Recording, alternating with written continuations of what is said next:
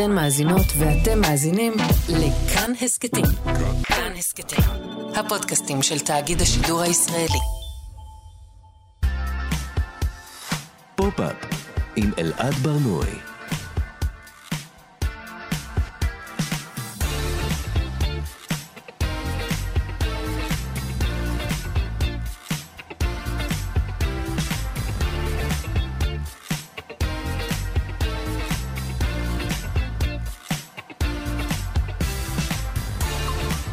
שלום, בוקר טוב, כאן תרבות, אתם על פופ-אפ. בכל שבוע אנחנו מדברים כאן על התרבות שמעניינת באמת. כל יום חמישי בשעה 10, ב-105.3, 104.9 FM. ניתן להזין לנו גם כהסכת, באתר של כאן, ביישומון של כאן, וביישומוני המוזיקה וההסכתים השונים. איתי באולפן טל ניסן שמפיקה את התוכנית, טכנאי השידור שלומי יצחק, בוקר טוב לכם, את הגנום התרבותי ערך תמיר צוברי, אני אלעד ברנוי, בואו נתחיל. שנאה. בואו נדבר על שנאה. אה, לפרק בשבוע שעבר קראנו למה כולם שונאים את ביונסה.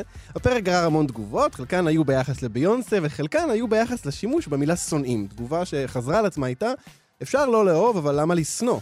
באמת, מגיל קטן מלמדים אותנו שאסור לשנוא. אצלנו לא שונאים. אבל לצד זה ששנאה היא לא ממש רגש אה, לגיטימי בחברה מתוקנת, נראה שבשנים האחרונות היא הולכת ותופסת מקום מרכזי בציבוריות, בתרבות. אז היום, ערב ט"ו באב, חג האהבה, נקדיש את התוכנית שלנו לשנאה. נאפיין סוגים שונים של שנאה ואת החשיבות שיש בלשנוא מדי פעם.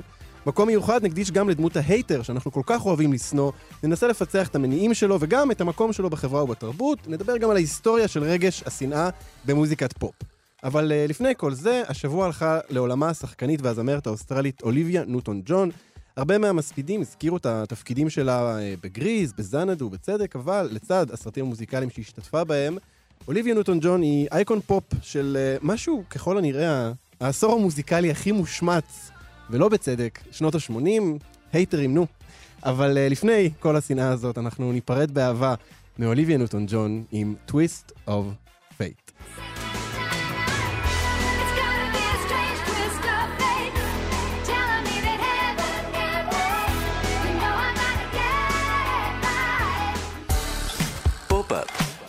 אלעד ברנועי. כאן תרבות, אתם על פופ-אפ. גם אם נרצה להודות בזה וגם אם לא, כולנו הרגשנו מתישהו שנאה כלפי משהו, יכול להיות שאפילו כלפי מישהו, אה, אבל כדי להבין איזה מקום יש לרגש הזה בתרבות ובחברה, אנחנו צריכים להתבונן רגע פנימה, אה, ולנסות לשרטט את אה, קווי המתאר של השנאה. ואיתנו, לעזור לנו עם זה, דוקטור מירב רוט, פסיכואנליטיקאית, ראש התוכנית לפסיכותרפיה באוניברסיטת תל אביב, ומחברת הספר "מה קורה לקורא". שלום מירב. בוקר טוב. בוקר טוב. מירב, בואי ממש נתחיל מה, מהיסודות. ما, מה זה בעצם שנאה? שנאה היא רגש או חוויה מאוד עוצמתית, שבמקור היא יכולה לנבוע מדבר מאוד uh, קטן, uh, כן, שהוא גם יכול להיות מתוך הגוף, uh, כאב בטן, מצוקה uh, גופנית שיוצרת תסכול, שיוצרת תחושת עוינות כזאת שאנחנו מכירים, שהיא מאוד דלה, היא מאוד דקה, אבל היא עוצמתית. וכמובן שהשנאה שיותר מעניינת אותנו ויותר מעניינת את התרבות היא השנאה העשירה, העסיסית, שהיא בדרך כלל כבר אה, אה, נובעת מבעצם מערך שלם של יחסים. היא מתחוללת בתוך יחסים, היא מתחוללת בתוך איזו תפיסה של האחר כמסוכן עבורי, בוגד בי, מעוררת קנאתי, היצרות העין שלי. זאת אומרת, יש שם מאחוריה או בתוכה מחוללים עוד אה, רגשות ותת רגשות שמניעים אותה, מתניעים mm. אותה, והיא, ה, ה, נגיד, הפרש שדוהר ותוקף. הבנתי. זה, כלומר, אה, אה, נגיד, הרבה פעמים אומרים ששנאה קשורה בפחד, אז, אז את אומרת אה, סכנה. כלומר, זה, יש איזשהו איום או, או, או משהו שהוא יחסי אליי, וזה מה שמעורר את אותו פרש דוהר שיוצא בעוצמה קדימה. נכון, נכון. כי בבסיס אנחנו תלויים, אנחנו תלויים באחר. אנחנו תלויים באחר בשביל להרגיש ביטחון, בשביל להרגיש שייכות, בשביל להרגיש אה, אה, תחושת נאמנות טובה, אה, ובשביל להרגיש אהובים. והשנאה היא בעצם הרגע של המפולת מהמקום הנינוח והטוב הזה, מה, מה, Mm. כן, מהמזרן הבטוח הזה שעליו אנחנו נחים לנו ו- ומרגישים בטוחים. ברגע הזה של המפולת, כשאנחנו שומעים את הצליל הזה, שמפיל אותנו אל העלבון, אל התחייה, אל הקנאה, אל, כן, אז אנחנו, אל הבגידה. בגלל זה גם בפוליטיקה, גם בחברה, גם בתרבות, השנאה אה, תמיד תהיה מוצצת אה, על ידי אה, איזה רגע של אכזבה, איזה רגע Mm. שאני תלוי במישהו, והוא מפיל אותי מהמקום שאני בטחתי בו. לכן גם אה, מפצלים, כל הדבר הזה של פיצול, כן, כל הזמן מדברים בארץ, שיסוע, פיצול, כן. הוא בסיס מצוין לשנאה בגלל שאז האחר הוא שונה ממני, הוא שחור אני לבן, הוא האחר, וזה מאפשר לי לשנוא אותו, להרגיש שהוא אה, מסוכן לי, כן, החרדה, כאיזה בסיס שאני, משם אני עכשיו יכולה לשנוא אותו בחופשיות. אה, לא אני. מירב, את, את, את משתמשת בדימויים מעניינים. אמרת מקודם פרש, ואחרי זה אמרת מפולת, ואני אני חושב על, ה, על האיכות של הרגש הזה, שיש בה איזה משהו שהוא הוא נדמה קצת אה, אה, קפריזי, כמו, כמו מין להבה, כלומר, משהו שהוא הוא כאילו לא יכול להחזיק מעמד הרבה זמן, הוא מתפרץ החוצה, אבל אני, אני מנסה לדמיין, או, או בעצם לשאול אותך, האם השנאה יכולה להיות משהו שרגש מתמשך, שמחזיק הרבה זמן, או שבאמת יש לה איזשהו ערך שזה פשוט יוצא החוצה ברגע של כאב, או של אכזבה, או של קנאה? אז זה, זה בדיוק שני הסוגים שחילקתי בהתחלה.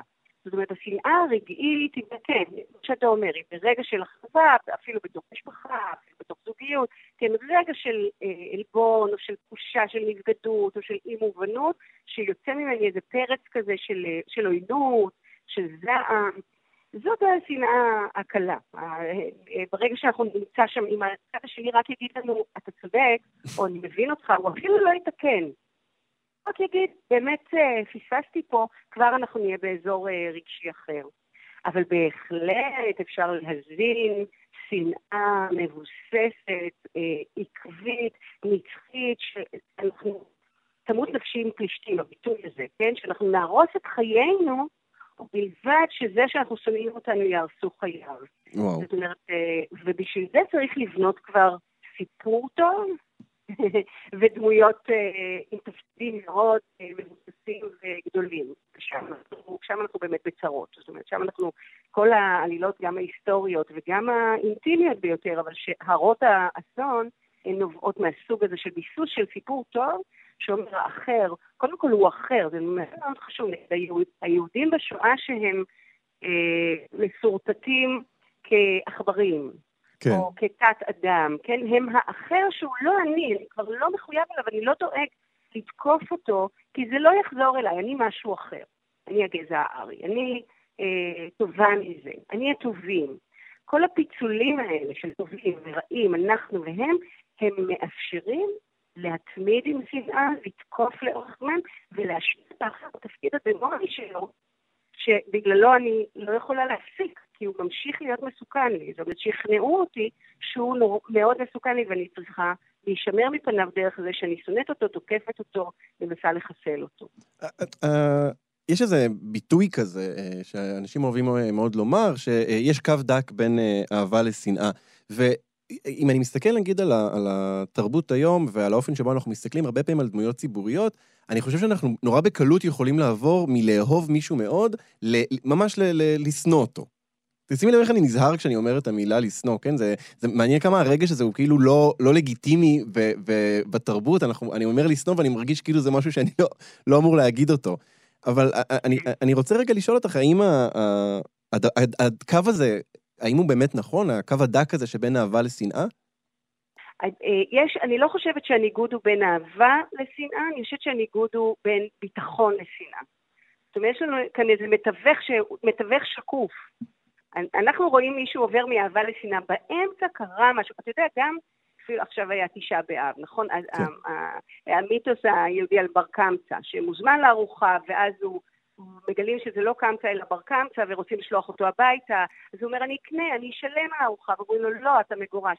ו- ואז השנאה שהביאה לחורבן הבית. זה לא אהבה שהפכה לשנאה, זו הדחייה, זה הביוש, Mm. זה המפולת מהרגע שבו הוא הרגיש שמח ואוהב, הגיע באמת עם לב אוהב ל- ל- לפיוס, הוא היה, היה אמור להיות שם פיוס, והוא מופל, או מדע, כן, סיפור מיתי, הסיפור המיתי של האימא שהורגת את ילדיה, ובאמצע היא הייתה אהבה שנכזבה. זה לא אהבה, זה אהבה נכזבת. האכזבה, המפולת, הגירוש, אה, תחושת הפגיעה הנרקיסית, שכן, פתאום אני מרגישה דחויה, קטנה, עלובה, אה, שם אה, אה, מוצע את הרגש הזה של השנאה, שבעצם לקח ממני את השייכות ואת הביטחון. מירב, את, אמרתי בהתחלה, את כתבת ספר שנקרא מה קורה לקורא, וזה ספר שבאמת מתעסק בחוויות שאנחנו עוברים כשאנחנו קוראים ספרים, אבל באופן כללי כשאנחנו צורכים תרבות. ונגיד עכשיו אני קורא ספר או, או מאזין לשיר של דמות שהיא מאוד מאוד שונאת כרגע, היא באיזה רגש בתוך המפולת הזו. מה עובר עליי ברגע הזה? יכול להיות שאני לומד מזה משהו? אני, יכול להיות שאני לומד מהדמות הזו איך לשנוא? אני מזדהה איתו? כן, כן. אז הספרות עושה דבר מאוד מעניין, היא בדיוק, כמו שאמרת, היא מייצר, המגנט הגדול של הספרות הוא ההזדהות.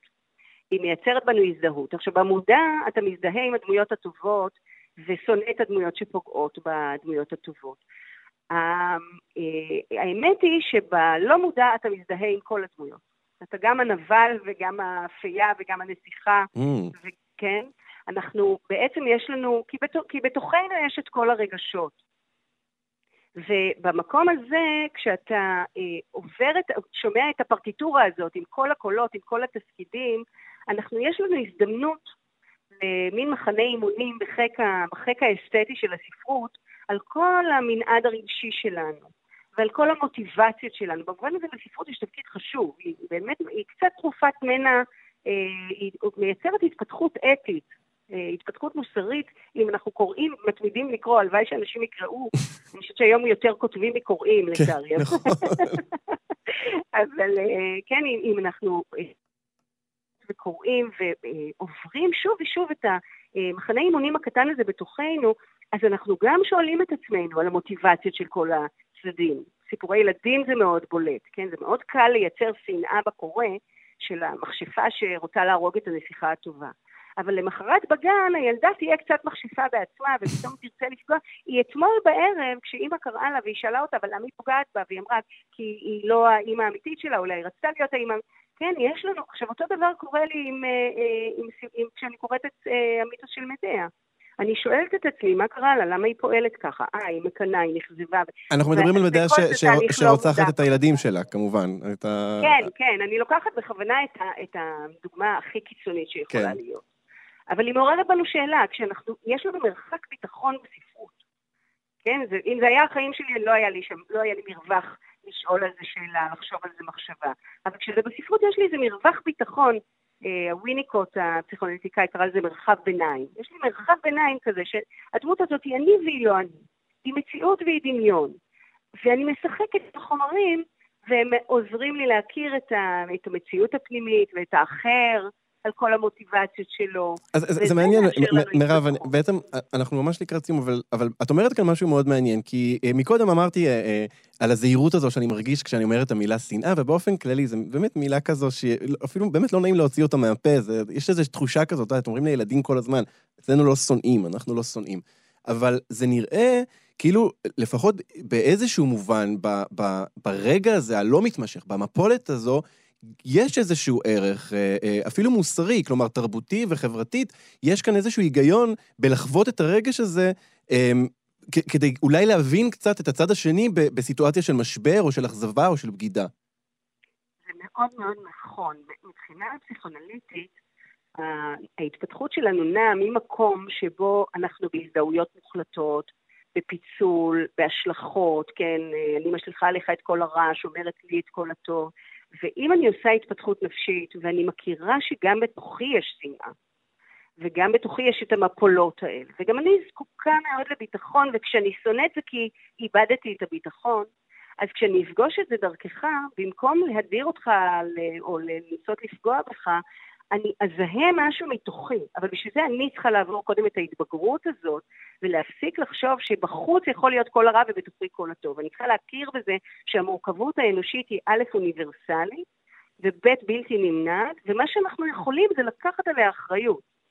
ברגע הזה הכל משתנה, ברגע הזה, לכן לפעמים מונעים מאיתנו, אתה יודע, שהממשלה מנעה שגדר חיה של רביניאן יהיה בסל הספרים כן. אה, של בתי הספר. בגלל שזה יפריע לפיצול, כן? אנחנו נתחיל להקשיב לאחר, לה, כן? יש שם את חילמי הפלסטיני, ש, שיש שם ארוחת שבת, ויש אה, אחיינים קטנים שמצלמים אותם בווידאו. זה יפריע לנו לראות את האחר כמישהו שהוא כל כך שונה ממני שמותר לי לשנוא אותו, אלא אני אראה שאה, גם הוא רוצה ארוחת שישי שקטה, אז אני חייבת לחשוב עליו אחרת, אז אני חייבת לחשוב על למה אני כל כך שונאת אותו. בשביל זה צריך איזו בגרות, בגרות נפשית וגם בגרות של מדינה, כן, כדי לעשות תהליכים שהם מבינים את האוניברסליות של העולם הרגשי, ואז את האחריות שאני חייבת לקחת עליה. מעניין מאוד, זה, אף פעם לא חשבתי על המילה אה, אחריות אה, בתוך ההקשר של שנאה. אה, דוקטור מירב רוט, ראש התוכנית לפסיכותרפיה באוניברסיטת תל אביב, תודה רבה לך על השיחה הזאת. תודה לך, ויום טוב. הגנום התרבותי. הייטרים, הם בכל מקום.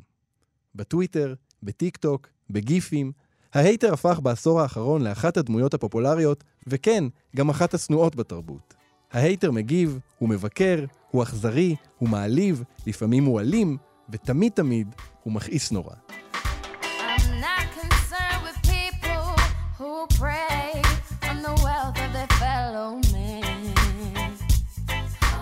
השימוש הראשון במילה הייטר באנגלית היה באמצע המאה ה-14, כשהמשמעות הייתה הטיה של המילה hate, שונא לשם תואר.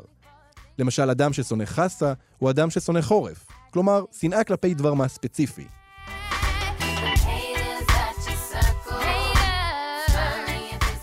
זו לא מילה ייחודית לאנגלית, והיא מופיעה בשפות אירופיות אחרות, כמו האטר בהולנדית, האסר בגרמנית והטארי באיסלנדית.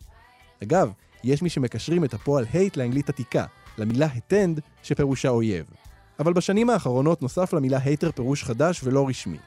על פי מילון מריאם ובסטר, ההייטר החדש הוא אדם שבאופן פעיל ואגרסיבי מבקר או מזלזל במישהו או משהו, למשל ידוען או דמות ציבורית. You little stupid ass bitch, ain't fucking with you. You little, you little bitch, עלייתו של ההייטר קשורה בעיקר בשיח שמתרחש ברשתות החברתיות, אבל ייתכן שיש לו שורשים מעט מוקדמים יותר. בשנות ה-90 של המאה ה-20, המילה hater צברה פופולריות מסוימת בסלנג אמריקאי, עם הכניסה של מוזיקת ההיפ-הופ למיינסטרים. המונח player hater, שנטבע ככל הנראה על ידי הראפר נוטוריוס B.I.G, שומש כדי לתאר ראפרים ששנאו ראפרים אחרים, שכך הם האמינו, שיחקו את המשחק. כלומר, עשו כל מה שנדרש כדי להצליח, כולל למכור את עצמם. I don't fuck with you. עם השנים המונח קוצר להייטר, ויוחס לכל ראפר שלא פרגן לראפרים אחרים מצליחים. כפי שנגלה בקרוב, הייטרים תמיד היו. אבל מעניין לבחון את הפופולריות של ההייטר העכשווי. אפשר לתלות את ההסברים בשני תהליכים משלימים שקורים אחד לצד השני. האחד הוא הדומיננטיות ההולכת וגוברת בחיינו של שיח הרשת. שיח מהיר, חד משמעי, לעיתים קרובות אנונימי, שלא עסוק בקשב לצד השני.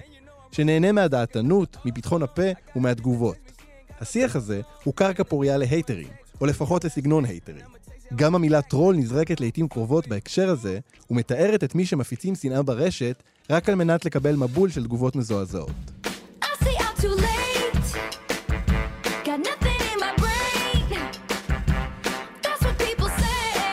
לצד זה, ואולי כמענה לעלייתם של ההייטרים ברשת, הולך וגובר שיח העצמה.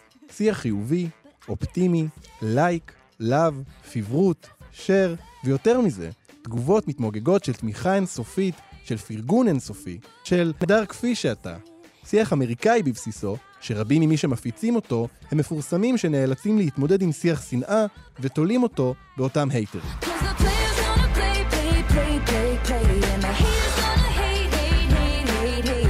אלא שמול השיח הזה, גם אמירה ביקורתית ועניינית, ואפילו אמירה אמביוולנטית, עלולות להיחשב כאמירות משולחות רסן ומלאות שנאה.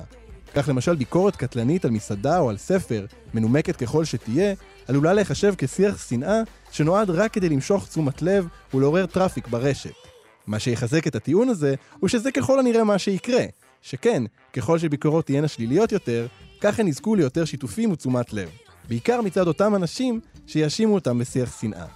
בהמשך לכך, המילה הייטר נאמרת לעיתים קרובות בתוך הצירוף haters gonna hate. שונאים ימשיכו לשנוא בתרגום חופשי, כדרך לומר שהשנאה של ההייטרים היא תכונת אופי מובנית, במטרה לסמן את השנאה כבעיה של השונא, ולא של מושא השנאה. ואין טעם להילחם באנשים שפשוט אוהבים לשנוא. ויכול להיות שבאמת אין טעם להילחם בהייטרים, כי השונאים ימשיכו לשנוא. ואולי אנחנו צריכים רגע לשאול את עצמנו, למה אנחנו כל כך נבהלים מדמויות ההייטרים? ואולי, רק אולי, כדאי לנו לעצור, לקחת נשימה עמוקה ולנסות להבין אותם.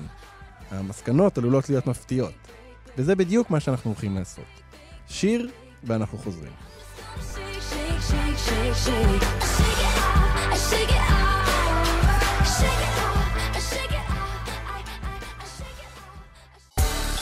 פופ-אפ עם אלעד ברנועי. אז דיברנו על אה, ההייטר העכשווי, האינטרנטי, אבל כרגיל אנחנו לא המצאנו שום דבר, והייטרים יש להם היסטוריה תרבותית ארוכה, ואיתנו כדי לדבר על המקום התרבותי של דמות ההייטר, העיתונאי וחוקר התרבות יובל פלוטקין. שלום יובל.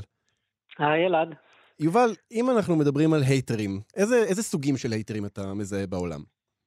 תראה אלעד, קודם אני רוצה להתייחס לעניין הזה של אה, האם הייטרים זה דבר חדש או לא, אבל אני רוצה להגיד שאנחנו יכולים לחשוב על הייטרים אה, כמין דבר שתמיד נשאר איתנו, כמו פריירים, הם רק מתחלפים, אבל אה, בכל זאת קשה ממש לחשוב על הייטרים מקדמת דנא, כי אתה יודע, בסוף לכ- יש מין אמירה כזאת ש...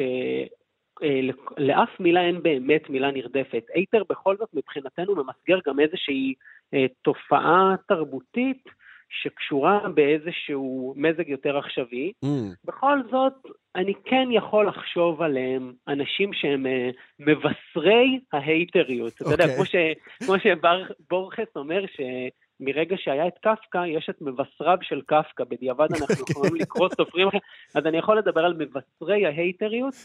אה, אני כן חושב שבסופו של דבר אה, הייטריות זו תופעה שהתחילה אה, בתחילת המאה ה-20, והיא קשורה בעליית התרבות הפופולרית.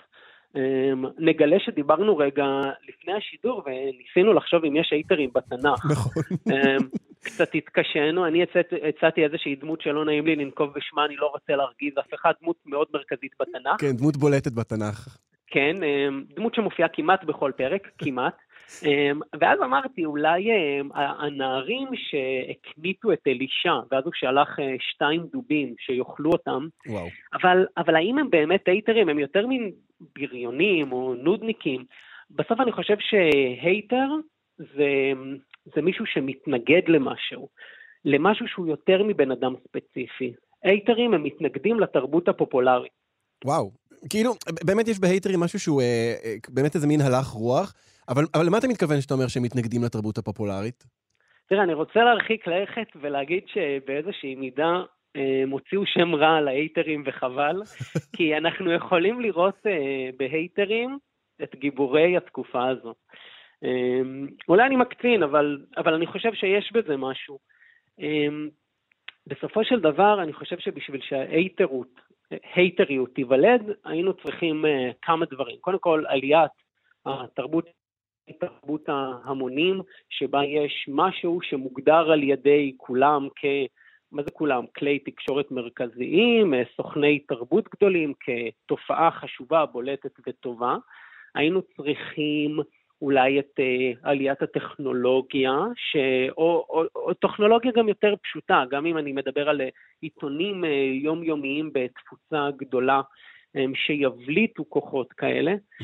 Um, אז, אז בואו בוא, בוא נדבר uh, תכלס. אני חושב שמבשרת ההייטריות הראשונה היא uh, מבקרת התרבות והסופרת דורותי פארקר. um, היא ילידת המאה ה-19, אבל ממש um, סוף המאה ה-19. Um, היא בעצם נפטרה ב-1960 ו... בשנות ה-60, אני חושב ש-67, אני לא באמת בטוח בזה. Um, ובעצם היא, היא העידה על עצמה שהיא קמה בבוקר, מצחצחת את השיניים ומשחיזה את הלשון. ובאמת, היא הייתה ידועה בביקורות הקטלניות שלה, בהבחנות התרבותיות האגרסיביות. Um, כשהיא הייתה מבקרת uh, הצגה, היא לא הייתה אומרת רק שזאת הצגה לא טובה, היא הייתה אומרת, אם את לא מסוג הנשים שאוהבות לסרוג, כדאי שתביאי איתך ספר. וואו. אה, ממש ללכת רחוק עם, ה... עם, ה... עם המטאפורה.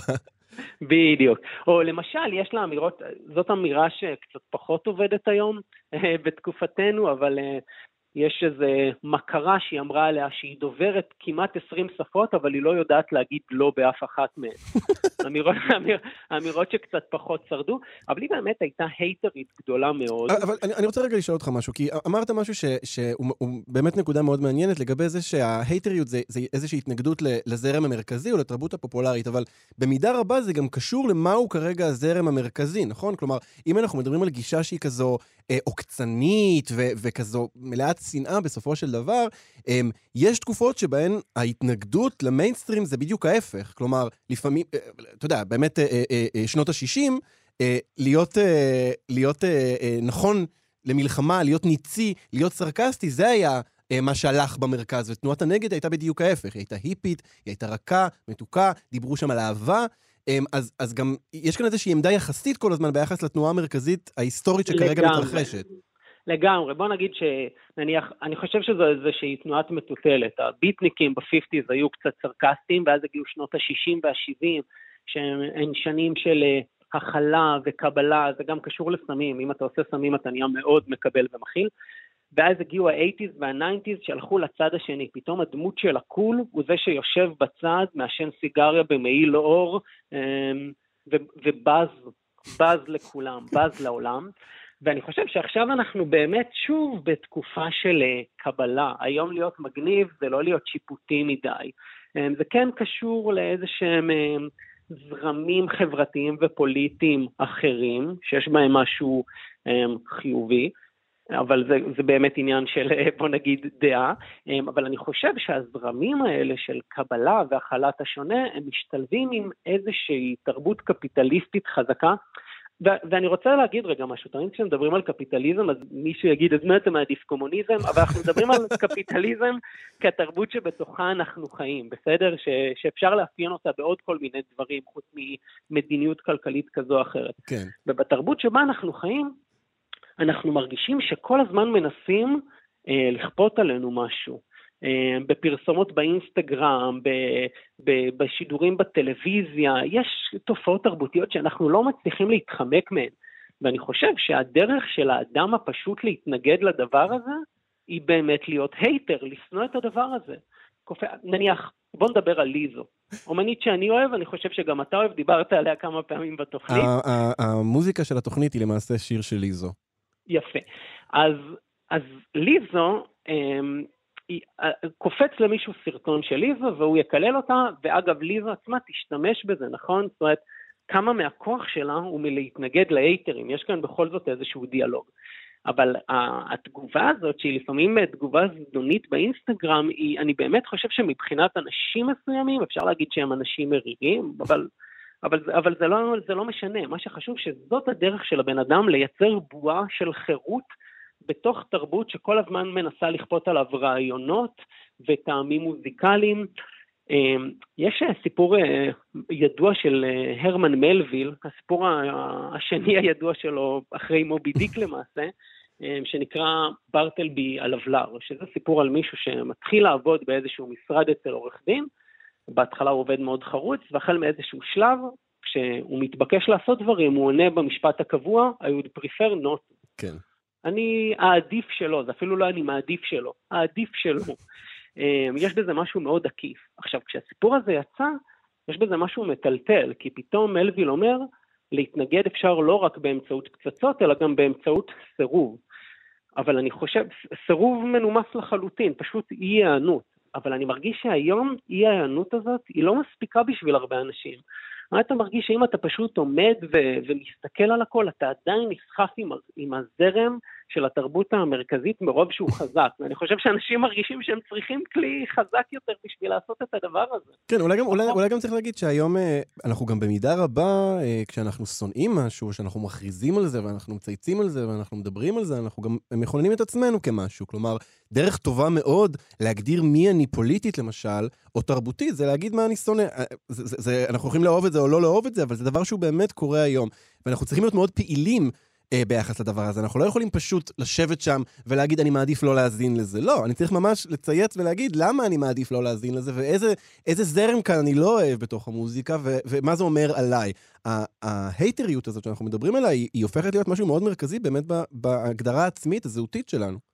לחלוטין. בואו ניקח דוגמה יומיומית. אתה יושב במשרד והקולגות שלך מדברים על סדרה שהם כולם מהללים. אתה לא כל כך אהבת את הסדרה הזאת, אפילו לא בטוח שנאת אותה, לא אהבת אותה. אתה מרגיש שאם אתה יושב שם ונותן יד לה, בשתיקתך, עומד מן הצד לשיחה שלהם, אתה, אתה, אתה נצבע בצבעים של השיחה, אתה נותן יד לאיזשהו פשע, אתה רוצה להתנגד, אתה אומר, בעיניי זאת לא סדרה כל כך טובה, ומישהו יגיד לך, יא הייטר, אבל אתה בסך הכל מנסה להגדיר את עצמך באמת, להראות שיש לך דעה משלך. יובל, אנחנו לא ממש, אנחנו ממש צריכים לסיים, אבל אני רוצה לשאול אותך שאלה אחת קצרה לסיום. אה, אנחנו בעצם, אנחנו, אנחנו דיברנו פה הרבה בשבחו של ההייטר, אפשר לומר, אנחנו מסמנים כאן את התפקיד שלו. אולי, אולי גם, כן נגיד, יש, יש, אפשר לחשוב על כל מיני דמויות, בטח בפוליטיקה הישראלית, דמויות של הייטרים ש, שהיינו יכולים להסתדר גם בלעדיהם, שהם באמת אה, שופכים רע.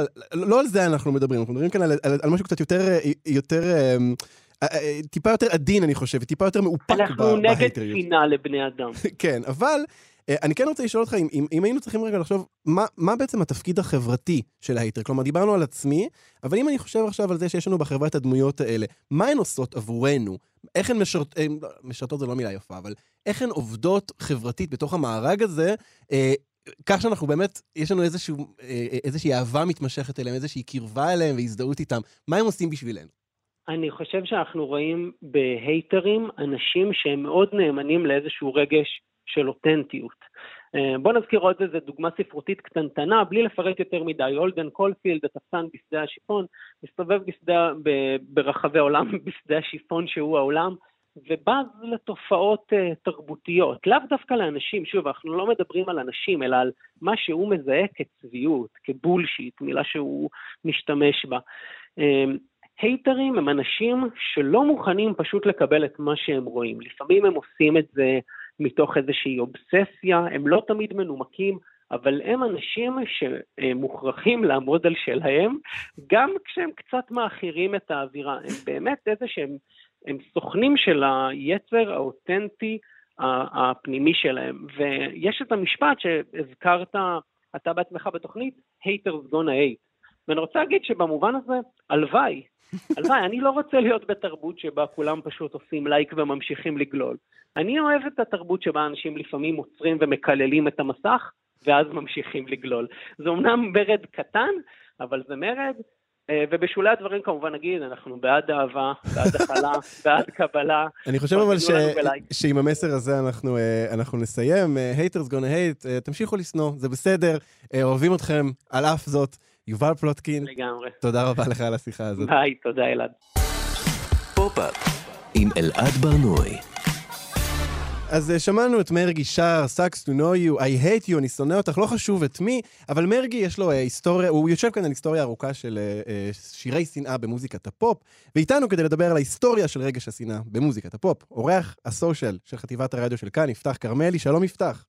שלום אלעד, טוב להיות כאן. טוב, כיף שאתה איתנו. יפתח, על מה, על מה אנחנו מדברים כשאנחנו מדברים על אה, שנאה בפופ? תראה, אני חושב שכשאנחנו מדברים על שנאה בפופ, בסוף, בסוף בסוף, אנחנו מדברים על אהבה בפופ.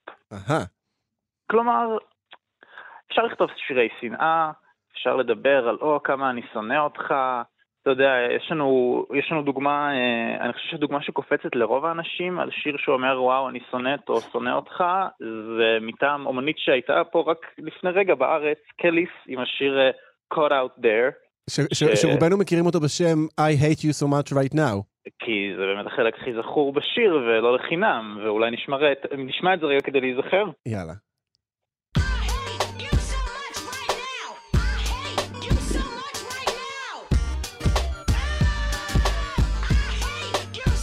טוב, זה ממש אה, קלאסיקה של אה, שנאה בפופ. כן, אין הרבה סאבטקסט, אה? כן, אנחנו אנחנו- אנחנו מבינים מעניין. למה היא מתכוונת. מעניין מה היא מרגישה כלפי הבחור הזה. אבל זה באמת מעניין, כי אני חושב שלכתוב שיר שלם על בן אדם כזה, אפילו אם ה- כל הסיפור שם זה היית מניאק אליי, בגדת בי, עצם ה... להקדיש שיר לבן אדם ספציפי ולדבר עליו כל כך הרבה ולהיות כל כך invested בזה, זה בעצם שיר אהבה. כלומר, אומרת, המכתב האהבה הכי, אה, הכי מושקע שאפשר לכתוב למישהו, זה כשאתה שר לו, אה, אני שונא אותך. כן, כלומר, שנאה היא שנאה, אהבה היא אהבה, לא צריך להתבלבל ולא צריך להצדיק כל מיני התנהגויות מחרידות בשם איזושהי רומנטיזציה, אבל, אבל בסוף כשלא אכפת לך מבן אדם, בסוף כשאתה, when you're over it, כשבאמת נמאס לך מהשטויות שלו, אתה לא מדבר איתו, אתה לא, אתה לא מקדיש לו את כל התשומת לב הזאת, Mm. ואתה יודע, אפשר, אה, אפשר לחזור אפילו ל... יותר אחורה, כמ- כמובן שיש גם שירי שנאה שהם מנקודה של איזושהי תחרות, כמו דברים כמו כל מיני דיסים בין ראפרים, אבל אה, אתה יודע, אנחנו פה בט"ו באב, לא ביום הדיסים. ולא נראה לי ש... אולי, אולי ביגי שבר לטופק את הלב, אני לא יודע, אתה תצטרך לשאול את הביוגרפים שלהם. אבל אה, אם מסתכלים על שנאה במובן הרומנטי, אני חושב שגם אם אתה הולך אחורה ל-70's, אז, אז אם יש לך שיר שאנחנו עוד רגע נשמע אותו, את You're So Vain של קרלי סימון, הוא גם לכאורה שיר שנאה, הוא שיר שבא להקטין, להגיד, אתה סתם, אתה בלון נפוח, אבל היא כל כך מושקעת בחיים של הבן אדם הזה, היא מתארת איך הוא לבוש, איך הוא הולך, מה היה להם פעם, איפה הוא היום, עם מי הוא מסתובב, ועם מי הוא, אה, עם מי הוא התחתן, עם מי הוא בוגד. זה, זה, זה ברור שהיא אוהבת את הבן אדם הזה. בוא, בוא נשמע רגע חתיכה מהשיר.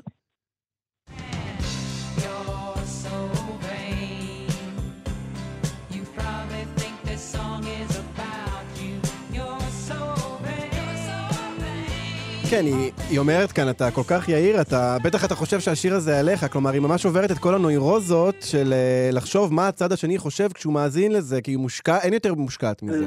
זה חדר מראות שלם של, אה, של מה אתה חושב שאני חושבת שאתה חושב עליי, שאני בכלל לא חושבת עליך, ולמה אתה חושב שאני חושבת עליך, אבל אני כן חושבת עליך. זה נשמע כמו אה, וואטסאפים ששולחים יום אחרי מריבה או דייט לא מוצלח, שמנסים לה- להראות כמה, כמה הכל בסדר, הכל, בסדר, שום דבר לא קרה, הכל בסדר, אה, כן, וזה אז יוצא לא. הכי מגושם שיש. אה, אה, דיברת מקודם על העניין הזה של דיסים בהיפ-הופ, צריך להגיד, באמת המון מההיפ-הופ במקור, בבסיס של זה, זה קרבות, זה קרבות רחוב, אבל זה באמת, מדובר כאן יותר על, על תחרות, אבל, אבל אתה יודע, מוזיקת הפופ, ממש במהות שלה, אני חושב, היא כמעט כולה, היא בסופו של דבר עוסקת באהבה.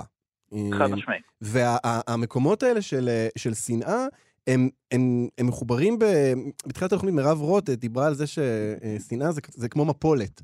ו, ואני חושב שבמובן הזה, הדוגמאות שאתה מביא זה בדיוק זה, זה הרגע הזה של המפולת, שזה מתפרץ החוצה, כמו אצל מרגי, הוא אומר, I hate you, אני לא יודע אם הוא באמת שונא, אבל זה איזה מין רגע מתפרץ כזה, שיוצא ממנו והוא פשוט לא יכול לעצור אותו. ברור, הוא, הוא, זה, וגם בכל פעם שאתה, אני חושב שאתה אומר למישהו אני שונא אותך, אתה בעצם אומר אני שונא את עצמי.